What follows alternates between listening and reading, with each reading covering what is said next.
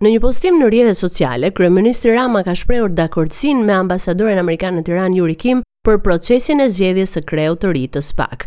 Kreu i qeverisë thotë se drejtuesin e ri të prokurorisë së posaçme nuk e zgjedh as qeveria, as foltorja, as ambasada, por Këshilli i Lartë i Prokurorisë.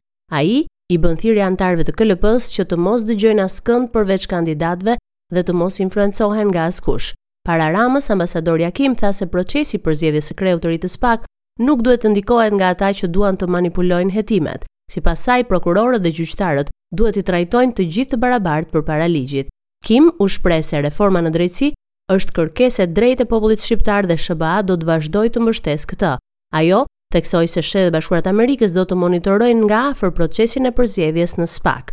Për kreun e ri të SPAK, kanë dorëzuar pranë Këshillit të Lartë të Prokurorisë kandidaturat e tyre tre prokurorët, Adnan Xholi, Edvin Kondili dhe Altin Dumani. Pas përfundimit të mbledhjes me drejtuesit e qarqeve, kryeministri Rama është shprehur se është arritur një dakordësi me kryeministrin britanik Sunak për emigrantët shqiptarë. Gjatë fjalës së tij në prononcimin për gazetarët, kryeministri Rama ka thënë se krimi shqiptar Nuk ekziston sepse krimi nuk ka etni. Rama ka thënë se ajo që është arritur me qeverinë britanike nuk është një marrëveshje e re, teksa ka shtuar se kryeministri britanik i ka shprehur keqardhjen për atë që ka ndodhur. Kjo është një kërkesë e imja që në kohën kur Boris Johnsoni ka qenë ministër i jashtëm ose ndryshe siç e quajnë Sekretari i punëve të jashme të Britanisë Madhe dhe e kam përsëritur vazhdimisht sepse sa herë kanë ardhur dhe kanë ndarë me ne këtë shqetësim. Unë kam qenë konsistent në të njëjtën gjë.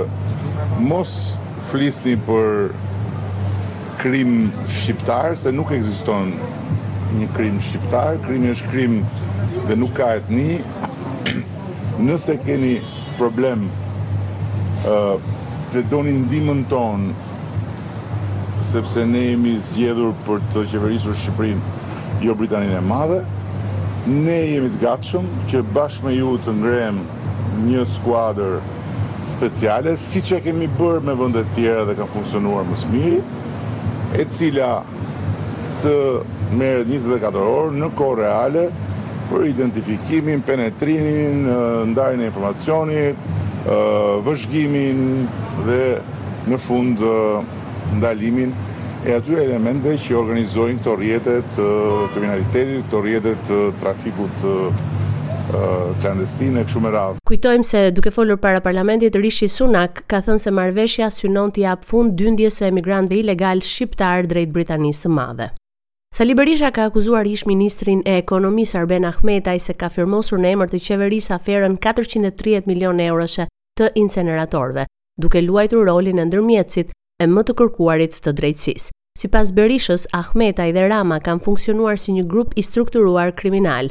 Përfshirja sipas Berishës në këtë aferë të kryeministrit dhe ish-ministrit të tij janë dhe arsyet e mosveprimit të SPAK-ut. Për kreun e Partisë Demokratike afera e inceneratorëve është një apel i fuqishëm që çdo shqiptar të ngrihet për të larguar qeverinë.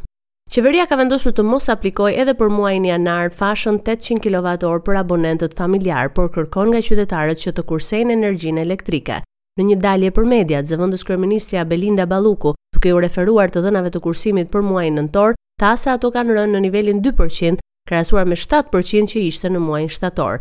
Ndaj ajo apeloi për kursim me qëllim mbrojtjen e çdo abonenti familjar nga vendosja e fashës. Pavarësisht vendosjes në kapacitet të plotë të dy anijeve për prodhimin e energjisë, Balluku thotë se situata hidrike sërish vijon të mos jetë në parametra të kënaqshëm. Sipas saj, nga kursimi i energjisë elektrike vetëm institucionet shtetërore kanë arritur të kursejnë për muajin nëntor njëzet për qind të energjisë elektrike, shifër kjo për zëvendës kryeministren me impakt në sistemin tonë energjetik. Gjykata e Posaçme ka dënuar me trembëdhjetë vite burg Hekuran Markun, ish-truprojën e ish-ministrit të Brendshëm Saimir Tahiri. Marku u fajësua nga gjykata për trafik të narkotikëve dhe grup të strukturuar kriminal, por për shkak të gjykimit të shkurtuar, dënimi përfundimtar i tij shkoi me tetë vjet e tetë muaj burg. Hekuran Marku u arrestua në gusht të vitit kaluar në Gjermani për llogari të operacionit të koduar Shpirti, nga ku u ekstradua në maj dy mijë e njëzet e dy. U gjykua i veçuar nga të pandehurit e tjerë të dosjes, ndërsa në vijimësi ka mbajtur qëndrim mohues ndaj akuzave. Përveç Markut si pjesë e grupit kriminal dyshohet të jetë dhe ish bodyguardi tjetër i Tahirit, Agustin Deda. Ai është arrestuar në Francë, ku më pas mundi të marrë një masë më të butë sigurie, ndërsa pritet shqyrtimi i kërkesës për ekstradim. Operacioni Shpirti çoi në pranga 31 persona në korrik të vitit të kaluar, akuzuar për trafikimin e një sasie prej 6 ton kanabis nga Shqipëria në Itali, në vitet 2014-2017.